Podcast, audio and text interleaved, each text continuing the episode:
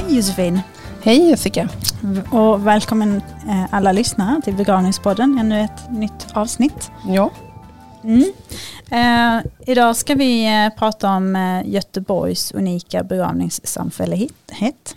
Mm. Det ska bli väldigt spännande Mm. att höra hur Men- det fungerar där. Mm, precis, men innan vi gör det och innan vi bjuder in vår gäst så tänkte jag eh, presentera vårt eh, Eh, eller företaget som sponsrar oss eh, det, detta avsnittet och det är Vegtech Och det tycker vi är väldigt eh, roligt. Vi har ju pratat om FNs miljömål i avsnitt 5.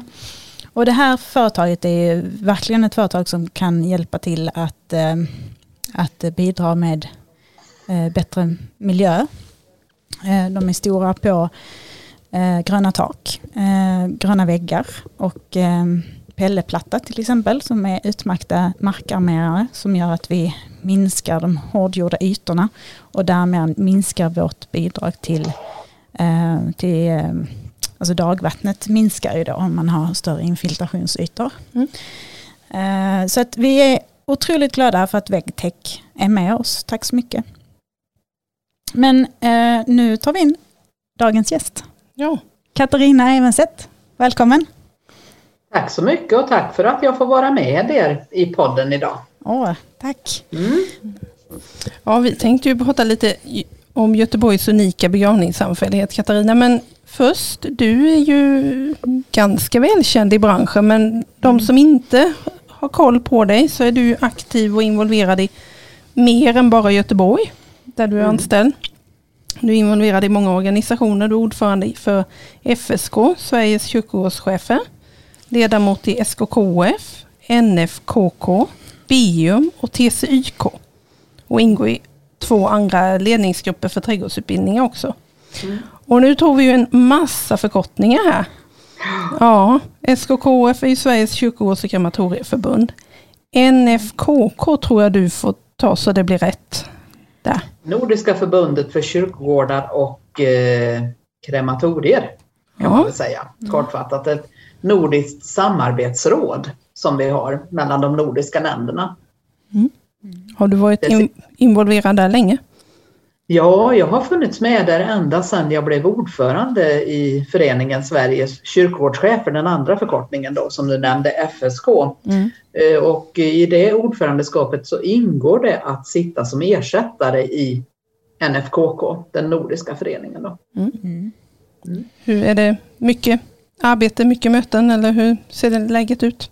Jag kan väl säga att på mötesfronten så, så har det väl underlättat enormt. Det är väl det goda som, som pandemin ändå har fört med sig, att vi har hittat andra sätt att träffas och mötas på. Ungefär som vi möts idag, vi möts digitalt.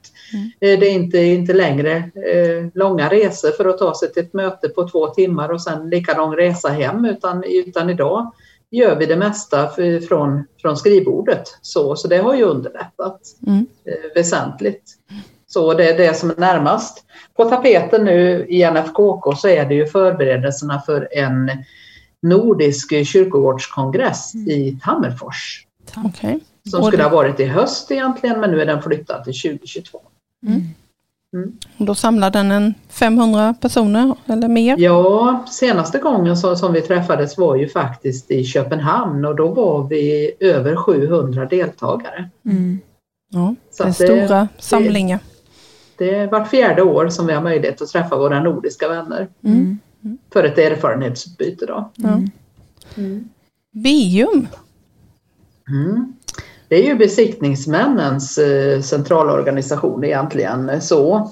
Och eh, vad gör man där som, som, som, eh, som avdelningschef, som begravningschef här i Göteborg? Jo, men det handlar ju väldigt mycket om att säkerställa naturligtvis att de anläggningar som vi, som vi väljer att bygga här i, i Göteborg och även på andra ställen om man tänker på rollen utifrån FSK då, att vi faktiskt gör det på, på ett så, så hållbart och eh, effektivt sätt som möjligt. Alltså det handlar väldigt mycket om kvalitet och då är vi ju beroende av att ha auktoriserade besiktningsmän. Och det har vi pratat om i ett avsnitt tidigare. När vi pratade om trädstandarden och pratade med Johan Östberg så var vi inne på just det här besiktningsmännen och kraven och utbildningar för besiktningsmän nuddade vi vid. Så att det, är liksom, det är ju superviktigt att det finns. Det är eh, superviktigt, det är det. Och sen är det ju liksom, vi är skattefinansierade och det gäller det ju att se till att vi håller, vi måste ju hålla en kvalitetsnivå. Mm. Och i den mån som, som jag har ju flera kollegor, man kanske sitter ganska ensam och jobbar på en mindre förvaltning. Och då är man ju också beroende av att ha en extern besiktningsman inne för att besiktiga. Om man har byggt en minneslund eller Askeravlund eller vad man nu har byggt för att se att håller den här måttet kvalitetsmässigt? Har vi fått valuta för, för pengarna som vi har, har spenderat på detta? Det innebär att du tar gärna in en besiktningsman i ganska små projekt. Tolkar Mm. jag dig som. Jajamän. Mm. Och eh, senaste gången som det var aktuellt så var det i samband med att vi anlade också en, eh, en eh, Askeravlund i Askim. Och där vi med tanke på murarbetena och att vi inte, trots att vi är en relativt stor organisation här i Göteborg, hade egen kunskap och eget kunnande och då är det, är det, en, är det då en extern besiktningsman som anlitas. Mm. Mm. Där är det, det känns som, som en garant eh, återigen då för att vi faktiskt har, har fått, eh, fått eh, levererat det vi, det vi har beställt. Mm. Mm. Och så studsar jag till den sista där. TCYK. Trädgårdsnäringens centralorganisation. Och där För handlar man ju, yrkeskompetens eller? eller? det, ja, det, det handlar ju om att certifiera egentligen våra kyrkogårdsarbetare. Vi har ju så som, som kanske många av er vet, eh, vi har ju certifieringar när det gäller eh, krematorierna. Naturligtvis krematorieteknikerna har ju genomgått eh, tester och eh, prövats och eh, är ju fler och fler i alla fall numera certifierade som krematorietekniker. Okej. Men vad gör man då som, som kyrkogårdsarbetare? Man kanske är upplärd lokalt på kyrkogården där man jobbar och, och har varit kanske i 30-40 år och, och har ingen formell utbildning i botten. Ja, då finns det ju möjlighet att avlägga eh, praktiska prov i detta för att också, också kunna få ett eh, intyg på att ja, men just det här momentet, det behärskar jag. Jag, kan- jag kan de här delarna. Mm. Så, och jag har ett papper på att jag faktiskt kan det. Mm. Det är också ett sätt att, att höja standarden på, på eh, yrket, alltså att, att, lyfta, att lyfta nivån på våra kyrkogårdsarbetare. Mm. Och nu har vi ju både medarbetare och vi har förtroendevalda bland lyssnarna.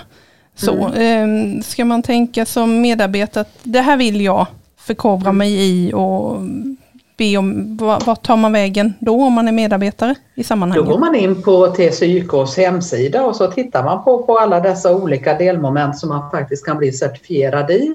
Och är man då kyrkogårdsarbetare så har man ju förhoppningsvis en arbetsledare eller en lagledare eller en kyrkogårdsföreståndare att vända sig till och, och eh, då kan man ju också lyfta där att jag skulle gärna vilja ha jag skulle gärna vilja bli certifierad på de här områdena. Mm. Och det är också ett sätt som, som jag tror gör oss också mer attraktiva om man tänker på förtroendevalda utifrån arbetsgivarrollen. Att också kunna, kunna rekrytera in personal. Mm. Så.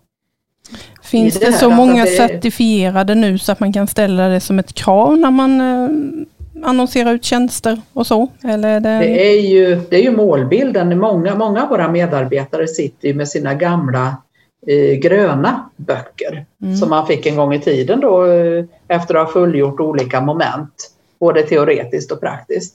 Och tanken är ju att, att allt detta nu ska läggas digitalt och, och bli möjligt då för medarbetaren själv att plocka ut.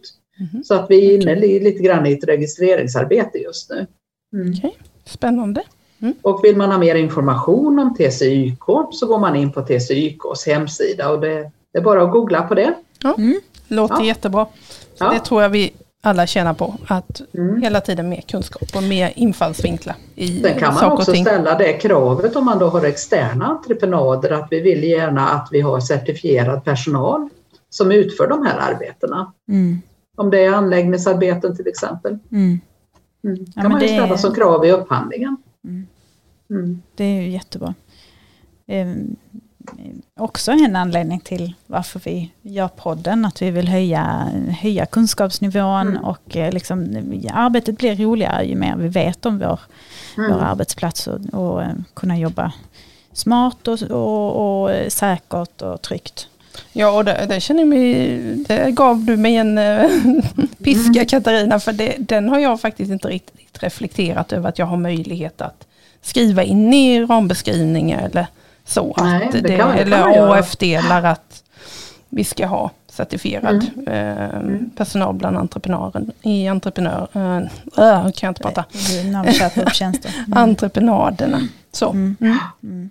Mm. Ja, för det är inte våra, bara vår egen personal utan det är ju också externa ja, som vi köper. Precis. Ja, precis. Och det är ju den hela den gröna branschen så det är ju inte bara kyrkogårdar utan det är ju även Nej. andra markanläggningar och så. Det.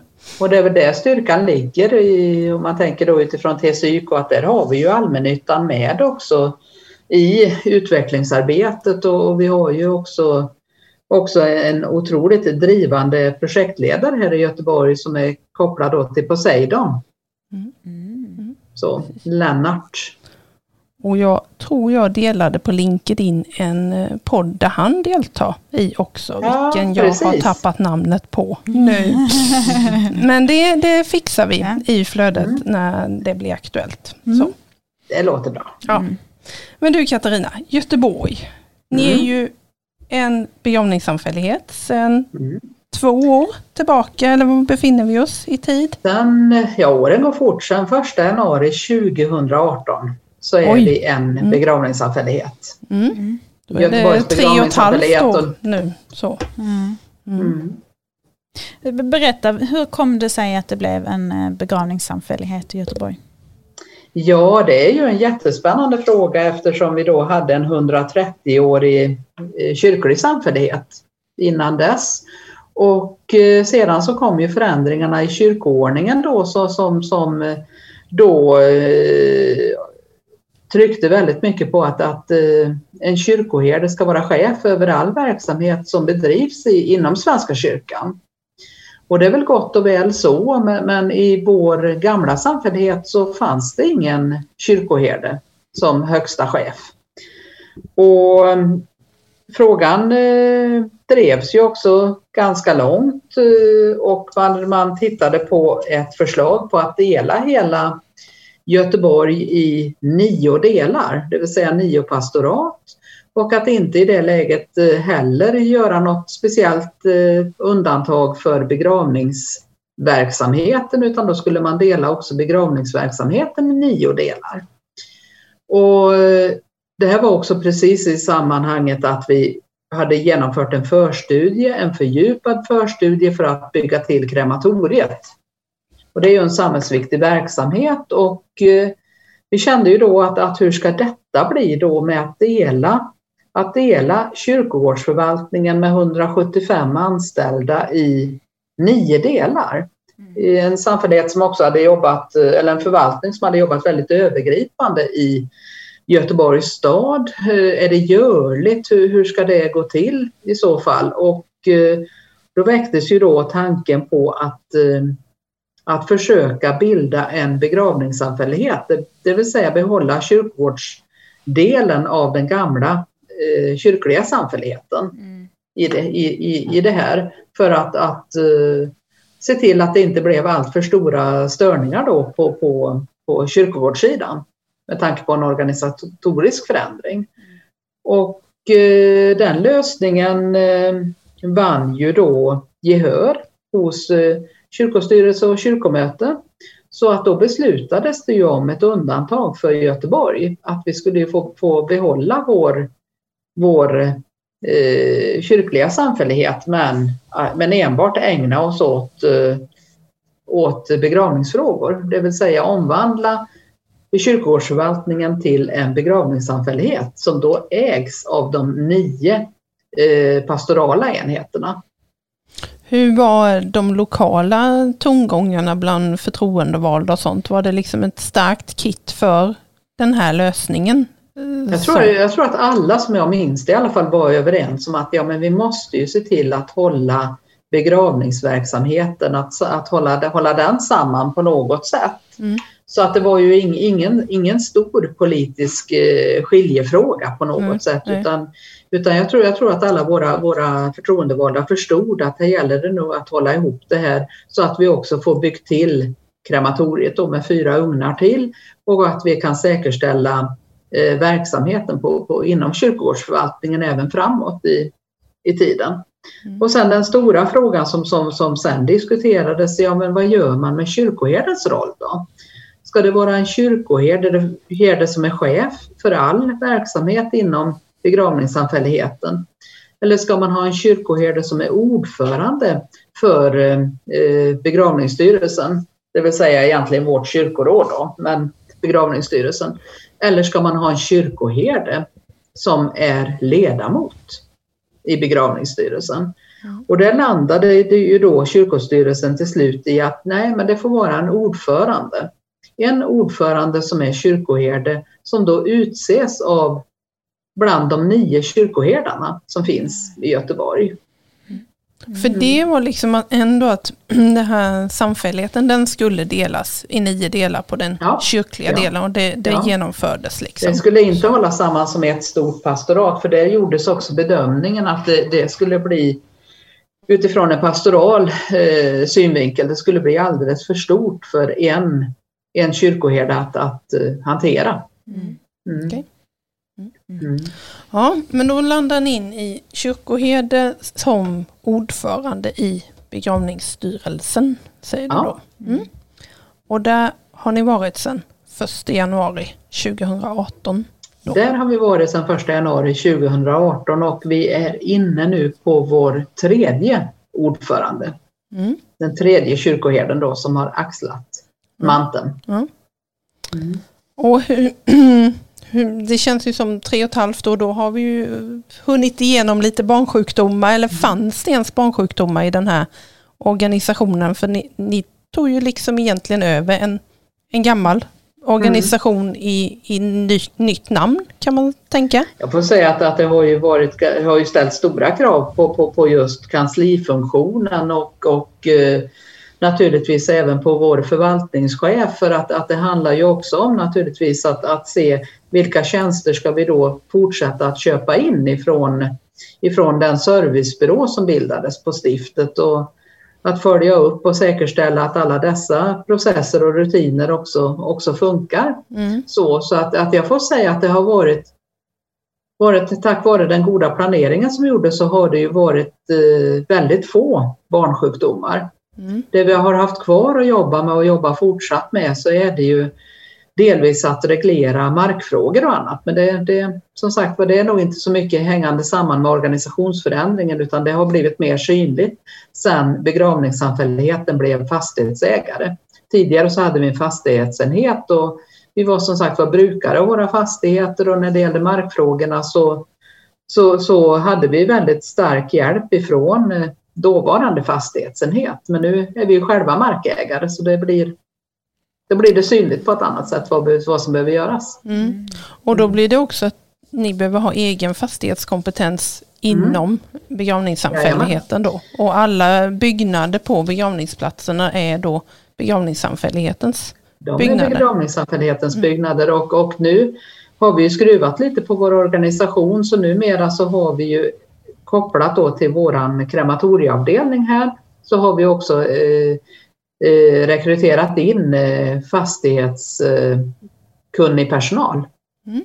För det kände vi liksom att, att det, det, det behövdes det ta ett samlat grepp och, och som sagt var nu är den organisationen ganska ny sedan årsskiftet och får ju också utvärderas men det känns väldigt väldigt gott att, att vi nu har kompetensen i, i vår egna organisation. Mm. Mm. Mm. Hur, hur har ni löst det här med gravskötsel och serviceverksamhet? Är det liksom i begravningssamfälligheten mm. eller är det kvar eller hur, hur har ni gjort det? Mm. Nej, allt, allt som har med begravningsverksamhet att göra, inkluderat gravskötsel, ligger i begravningssamfälligheten. Mm. Och, och eh, vi har ju precis samma krav som alla andra huvudmän har på särkostnadsredovisning och och de delarna så, så att eh, gravskötseln ligger idag under eh, skötselavdelningen. Vi är tre avdelningar då. Begravningsavdelningen där jag sitter så har vi krematorie fastighetsavdelningen och sen så har vi, har vi då skötselavdelningen. Mm. Det där får du gärna berätta lite mer om för mm. lyssnarna, hur det, vad begravningsavdelning är och vad skötselavdelning är. För ja. de två delarna Men, tänker jag går väldigt tajt ihop på många på de, de allra flesta förvaltningar så är det, är det ju ett i och med att det är samma kyrkogårdar som vi förvaltar och utvecklar. Men i Göteborg så har vi då 36 kyrkogårdar. Mm. Och vi har en stor geografisk spridning. Vi har storkyrkogårdar också, vi har mindre kyrkogårdar och det har man väl på många håll. Men vi gör en skiljelinje mellan vad innebär det att förvalta och sköta kyrkogårdarna kontra att projektera och utveckla kyrkogårdarna. Så man kan säga att, att på, på begravningsavdelningen så jobbar vi utifrån begravningsprocessen hela tiden då utifrån eh, projekteringar kopplat då till, eh, till behovsanalyser när det gäller förväntat behov av ny gravmark. Eh, de delarna ligger på, på, på begravningsavdelningen. Vi har också en begravningsexpedition, kapellverksamheten, gräveriet ligger också här och sedan årsskiftet även verkstäderna och förråden. Så, så man kan mm. säga att mycket av det som görs på begravningsavdelningen är, är förvaltningsövergripande idag. Okej. Okay. Och, och skötselavdelningen då, det, det blir hands-on ute? Det är hands-on, det, det, det, där har vi ju då den all, allra mesta personalen jobbar på, på skötselsidan. De är 120 fastanställda på den sidan och också fördelade på fyra områden. Och sen finns det en skötselchef, Håkan Martinsson, och så finns det också eh, enhetschefer, områdeschefer under honom. Mm. Det är ju en och en gravskötselexpedition. organisation. 120 ja, fast det, fastanställda ju... och så har du ett stort antal säsongare på det också. Ja, vi plockar ju in ungefär lika många säsongare som vi har fastanställda då på skötselsidan så det är ju otroligt personalintensivt och, och områdescheferna har ju också lagledare till sin hjälp. Men, men, men det är ju därav också som man ser att, att där har vi också säsongsvariationerna på ett annat sätt. På begravningsavdelningen så håller vi liksom i, i, i det som är myndighetsutövning, det som är, är kopplat också till begravningsprocessen från det att vi projekterar ny mark till att vi upplåter gravar och, och gravsätter och, och har begravningsceremonier i kapellen och, och, och, och de delarna till dess graven egentligen återgår till oss, tas tillbaka eller återlämnas. Mm. Mm. Och sen är det ju kulturfrågorna också som ligger som en, en stor bit och ett stort perspektiv i arbetet och på, över hela förvaltningen egentligen. Mm. Mm. Mm. Vad, ser du för styrkor med att vara så stora som ni är? Det är att vi, kan, vi, vi har möjlighet att, att rekrytera in och har också rekryterat in specialistkompetens. Mm. Mm. Eh, frågeställningarna som vi har i Göteborg mm. skiljer sig inte speciellt mycket åt en mindre förvaltning. Det, det som skiljer är ju omfattningen. Mm. Att det är så pass eh, stort som det är. Men det gör ju också att då har vi också muskler för att kunna rekrytera ingenjörer och, och eh, specialister mm. in i verksamheten. Då. Mm. Ja, det måste kännas väldigt, väldigt skönt att kunna, mm. kunna ja. få in kompetenta kollegor. Så.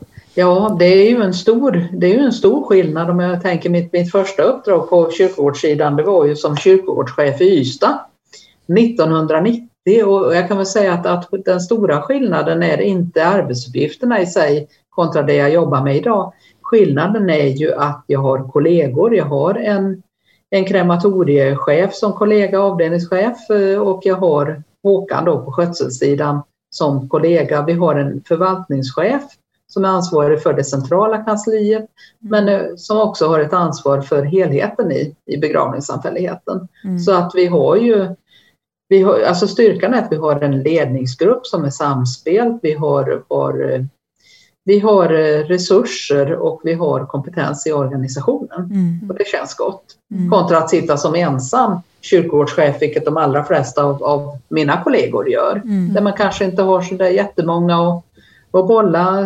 framtidsfrågor och prioriteringar och allt vad man behöver göra mm. med. Mm. Nej men ni kan ju liksom lätt mötas mm. i ledningsgrupp eller bara ja. i korridoren och stöta och blöta. Mm. Och så, så det är en styrka. En, det är en styrka. Ja. Mm. Och sen att vi då har, har också möjlighet att ha en VA-ingenjör, mm. att, att vi har eh, planeringsingenjörer, vi har, vi har till och med nu en landskapsingenjör. Mm. Mm. Som, som är en styrka och en landskapsarkitekt dessutom ska jag säga. Mm. Så vi har, har byggt ut ganska rejält för att, och, eh, och kunna hantera de, de eh, projekteringsfrågor som vi står inför. Ja, för visst är det så Katarina, att det, det, ni står inför ganska mycket det här med sådana utmaningar på att få till ja. med markbehov. Eh. Markfrågan är ju så, så akut i Göteborg och det beror på att staden förtätas. Och sen beror det också på att, att våra invånare eh, det ser lite annorlunda ut. Vi har ju fler fler människor som har kommit till oss med, med, med eh, utrikes härkomst, alltså med, med, som antingen är födda utomlands själva eller har föräldrar som är födda utomlands, som också för med sig mycket av, av, av, av de egna begravningstraditionerna in, vilket gör att, att vi har ju fortsatt ett ökat behov av kistgravar. Och framförallt när man tittar på befolkningen i Göteborg, den gruppen som ökar och har ökat väldigt snabbt, så är det våra våra muslimska vänner. Då. Mm. Så, och eh, där är det ju fortfarande så att det är ytterst få muslimer som, som av religiösa skäl kan tänka sig en, jord, eh, kan tänka sig en kremation. Och då ökar ju naturligtvis behovet av att få fram kistgravar mm. och att anlägga då särskilda gravplatser. Mm. Men sen den stora frågan är ju egentligen, det är ju hur kommer vi att kunna möta den befolkningsökning som vi står inför och vi använder ju oss av samma prognoser som Göteborgs stad använder sig av och vi ser ju att, att inflyttningen till både Göteborg och till Västra Götalandregionen kommer ju att, eh, det kommer att öka ganska så, så drastiskt. Mm. Och, och det... någonstans ska alla dessa människor i jorden. Mm. mm. Och det pratade vi om ett avsnitt tidigare här i sommar mm. och det, det var när vi pratade lite om förvaringsplatser. Eh, och hur, alltså det är ju förvaring både i kylar och frysar, och, mm. Eh, men även då gravmark och gravplatser som vi behöver ja. i och med att vi ökar i befolkning. Jag tycker det är väldigt många kommuner som har stora ambitioner på, i översiktsplaneringen på hur de ska växa och öka befolkningen. Eh, och då kommer det ju kräva, krävas mer plats. Det kommer att kräva sitt. Så, så, vi har ju också nu bildat, tack och lov, en arbetsgrupp ihop med Stadsbyggnadskontoret och Fastighetskontoret här i Göteborgs stad för att gemensamt utifrån det, det förslaget som nu ligger eh, klart nästan för att antas eh, till översiktsplan, en ny översiktsplan, också försöka identifiera eh, en plats för en ny storkyrkogård. Mm. Så som, som vi hoppas på kommer att, att i alla fall ha kommit lite längre till 2030. Mm. Så, det är ju det är otroligt mycket för projektering, markstudier eh, och den typen av, av bitar som, som ska falla in också. Men det, det, är ju ett område som vi letar efter som är någonstans mellan 30 och 45 hektar. Mm. Alltså motsvarande ungefär en, en av våra storkyrkogårdar idag. Mm. Mm. Det, det, finns det, det, är en pågående process i fler kommuner och fler mm. pastorat som har denna frågan på bordet. Uh, och precis som du säger, det är en lång process. Um, det är det och mm. sen upplever vi att vi har fått gehör, att, att man nu också i översiktsplanen har, har formulerat uh, i en av de inledande delarna av den i alla fall, att i samband med att man bygger ut staden och att man förtätar staden, vilket kanske är det som är mest aktuellt här i Göteborg, så ska alltid behovet av begravningsplatser tillgodoses. Mm. Mm. mm. Och det tycker vi är en jättestyrka från att, att ha har kanske inte varit fullt så synliga som en samhällsviktig verksamhet utan kanske bara en del av stadens gröna stråk. Mm. Till att man faktiskt nu har, har, har, lyckats få en förståelse för att jo, men begravningsmark det, det, det är en samhällsviktig funktion. Det, det, Ja, ja, för det är ju egentligen är det ju funktionen först och främst. Sen vill vi ju ja. gärna se de gröna stråken ja. och de gröna miljöerna, men det är mm. ju ett, ett bonus eller ett mm. positivt mm. kultur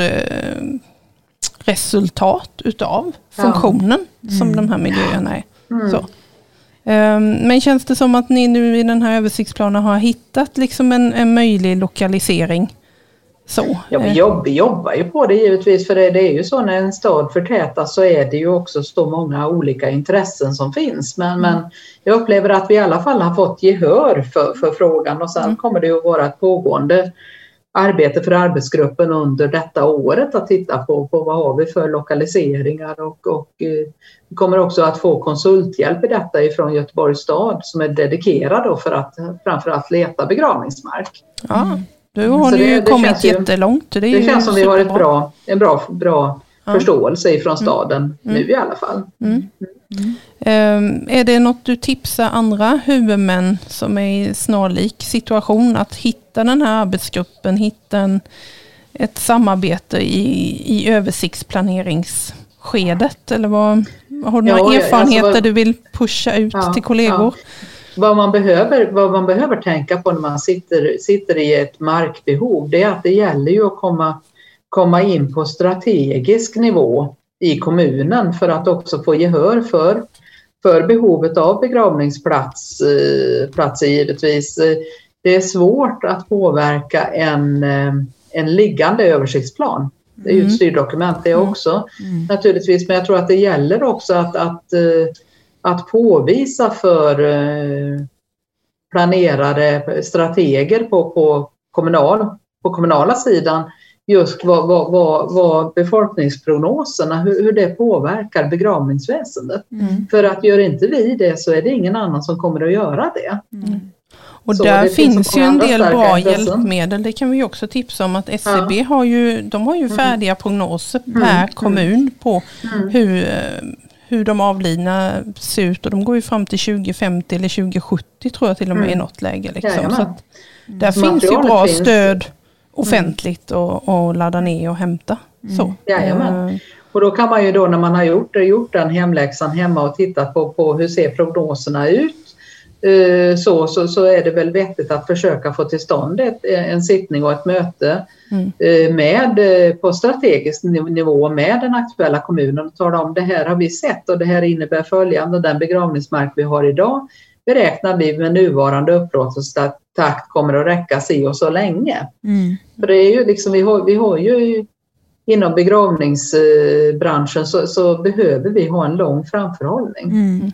Mm. Och här är det jätteviktigt också att ha koll på sina eh, administrativa system. Vi har pratat om gravboken tidigare, gravkartan.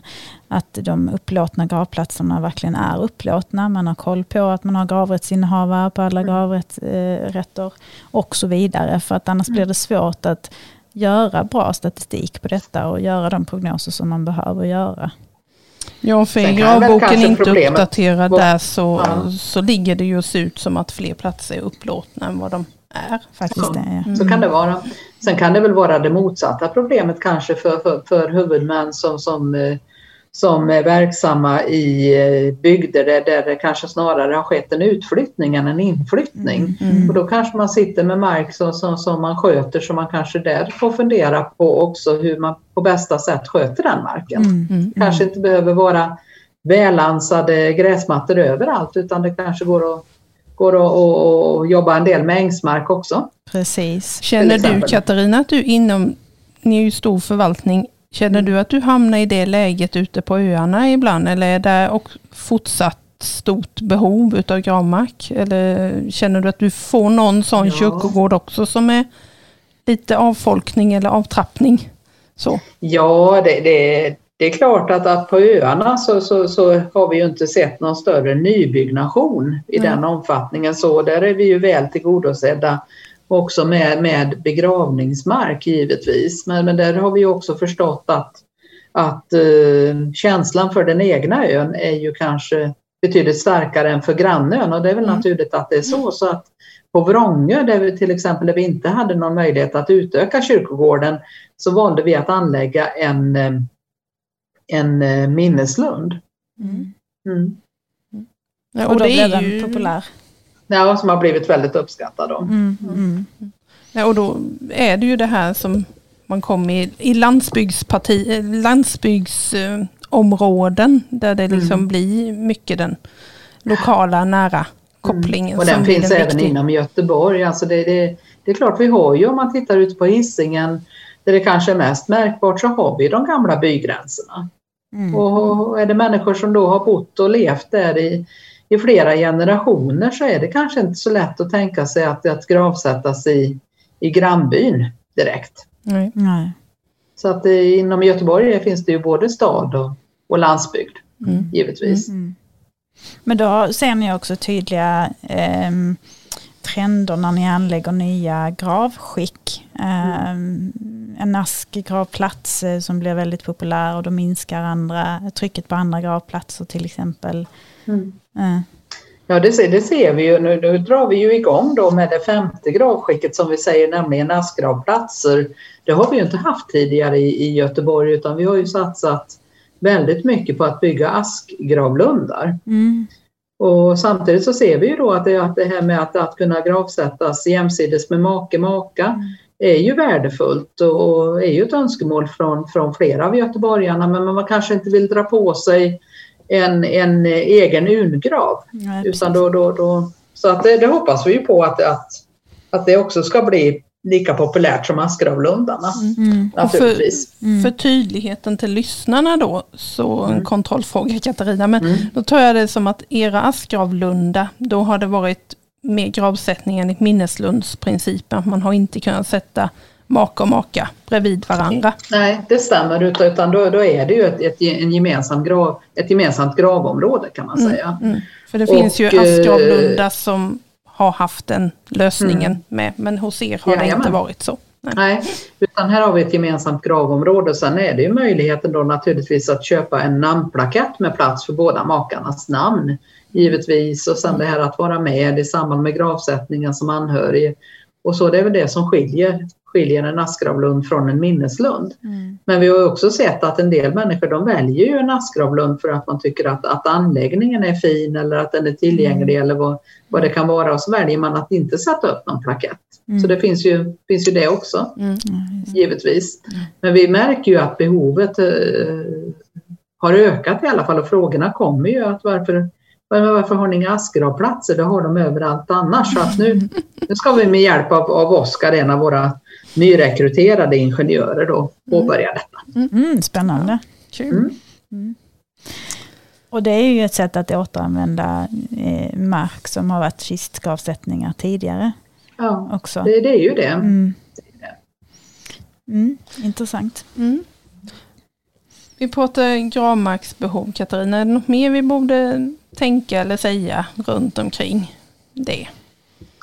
Ja, jag tänker framförallt, jag tänker mycket kring gestaltning av nya begravningsplatser också, så nya kvarter och det har vi ju sett eh, och det är säkert flera av kollegorna som har sett ute i landet också att vi har ju fått ett ganska stort ökat, eh, ökat antal besökare på våra kyrkogårdar nu under pandemin. Eh, vi har ju säkerligen här i Göteborg göteborgare som jobbar på distans och, och och så då tar man gärna sin lunchpromenad på kyrkogården och tittar man framförallt på de centralt belägna kyrkogårdarna så, så har ju trycket eh, med besökare som då inte kanske specifikt besöker gravplats ökat Mm. rejält. Mm. Mm. Det tycker jag är roligt. Jag tycker om att folk kommer ut på våra kyrkogårdar.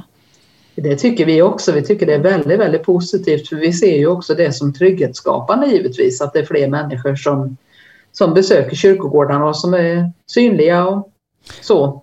Men jag, jag är lite fascinerad att du säger att du märker ökat nu under pandemin på de centrala delarna. För där finns ju ändå mycket arbetsplatser och kontorsplatser Mm. i vanliga fall också. Men, Ja. det, men visst, tar vi östra kyrkogården så är det mycket bostäder och så runt omkring Ja. där. Du kanske inte heller går ut och sätter dig på en, på en lunchrestaurang idag utan du väljer att ta med dig Mm. maten och så sätter du dig på en, på en eh, Parkbänk. parkbänk på en Mm. kyrkogård istället. På Mm. Stampen till exempel. Mm. Mm. Ja, häftig bieffekt. Så. Ja, vad säger du Jessica? Du, det är någonting du säger här. Förra, de två senaste avsnitten har vi pratat om eh, barn, eh, barnkonsekvensanalyser och barn, barn på kyrkogårdar, barns sorg. Barnperspektiv, barnperspektiv. barnkonventionen. Som har Så. blivit lag. Hur jobbar ni i Göteborg med denna biten? Jag kan väl säga att vi har hittills inte jobbat så, så aktivt med det och det har ju också nu synliggjorts eh, i riktlinjerna för begravningsverksamhet där vi nu tar in det här som ett av de de eh, prioriterade områdena att jobba utifrån framöver. Begravningsmarken är ju ett annat område som är prioriterat, men just att, att, att fundera på vad innebär barnkonsekvensanalysen för oss? Vad innebär det att, att tillvarata barnperspektivet mm. utifrån en, en begravningssamfällighet som inte har någon församlingsverksamhet överhuvudtaget? Mm. Hur ska vi göra detta och, och, och, vad ställer det för krav på oss? Mm. Mm. Mm. Jättespännande. Ja, men då är ni igång och mm. reflekterar och mm. arbetar med frågan. Så. Ja, det gör vi. Och du säger riktlinjerna där. där. Där tänker jag att det kan vi också spinna vidare lite. Hur, hur har du greppat om eller ligger det på förvaltningschefen att fånga in riktlinjerna? I, eller hur? I vårt fall så ligger det ju, ligger det ju framförallt på presidiet i begravningsstyrelsen tillsammans med förvaltningschefen. Det finns en arbetsgrupp som jobbar med detta och, och nu är man nog nästan i mål i alla fall. De mm. eh, senaste planen är väl att, att det hela ska antas av styrelsen nu i juni, på junisammanträdet. Mm. Och då blir ju detta då, då istället för att vi har haft en verksamhetsram tidigare så blir ju detta vårt, vårt nya styrdokument där vi ska bygga våra verksamhetsmål utefter den och mm. våra aktiviteter ute på avdelningarna. Så det är ju ja, det är väldigt, väldigt spännande tycker jag med barnperspektivet ja, som vi inte har greppat innan riktigt. Mm. Men det kommer. Ja. Det kommer. Mm. Ni är nog inte ensamma om det. det är många som nej. behöver jobba mer med barnperspektiv. Ja. Mm. Mm. Och då ja, tänker jag att du, det du säger här nu med riktlinjerna, så mm. eh, då blir det någon form av mätbara mål på respektive verksamhetsdel och sen så kan ni koppla det till någon verksamhetsberättelse sen i ja, slutändan? Ja, det, är ju, så? det är ju så vi jobbar, att vi försöker ju bryta ner det mesta så att det ska bli konkreta åtgärder eller aktiviteter på, på, på respektive avdelning och att, att vi vi ser det ju också som en framgångsfaktor att, att eh, så många som möjligt eh, kan uppleva att man är delaktig i arbetet mm. mot, mot det övergripande målet. Mm. För att, att vi kan ju ha alla möjliga visioner och, och, och, så men, men har vi inte medarbetarna med oss och har lyckats då som chefer att kommunicera ut eh, målet tydligt så blir det, ju, blir det ju dessvärre en pappersprodukt. Men i vårt fall så har vi också i mångt och mycket kopplat eh, budget och ekonomi till till verksamhetsplanen. Alltså det, det är vårt sätt att jobba med verksamhetsstyrning och, och har ju då upplevt att medarbetarna också har, har kunnat, kunnat vara delaktiga. Om de har känt sig delaktiga är en annan sak, det får man fråga dem om. Men, men vi, vi försöker möjliggöra att, att eh, så många som möjligt ska vara med och, och jobba mot, mot de övergripande målen och då, då får man bygga, byg, bryta ner det så att det blir förståeligt och begripligt längst ut i organisationen också. Mm. Mm. Ja, låter jättebra Katarina. Mm. Jag tror att vi ska runda av nu. Mm. mm. mm. Eh, det är väldigt intressant att höra eh, om Göteborgs begravningssamfällighet och eh, vad ni har för utmaningar framför er. Ehm, så tack så jättemycket Katarina för att du var med. Mm. Mm. Tack själva. Superroligt att mm. höra om den här unika lösningen får vi väl säga. Ja, så. Mm. Jag hoppas det blir fler sådana lösningar tänker jag. Och så tackar Allt att vinna på det. Precis. Eh, har du någon dold skatt bland eh, dina kyrkogård, eh, kyrkogårdar, begravningsplatser i Göteborg? Om man har, har ett besök på sig, var ska man åka?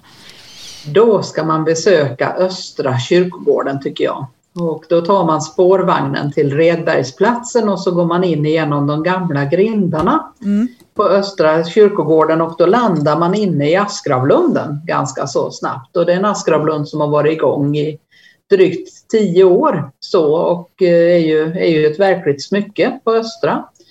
Och när man har, promenerat igenom den Askravlunden eh, så går man upp mot eh, begravningskapellet mm. som ju brann för, för några år sedan. Numera återuppbyggt mm. så i tidstypisk stil. Mm. Mm. Och då kan man ju gå in i begravningskapellet och sen när man har varit där så fortsätter man upp då på i de gamla delarna av Östra kyrkogården, det som vi kallar för Rikemanskullen, där vi har Sitons gravmonument och, och Rörs, Rörskas gravmonument, eh, Karin Boye och så alla i gott sällskap av varandra. Det finns fantastiska gravmonument att titta på.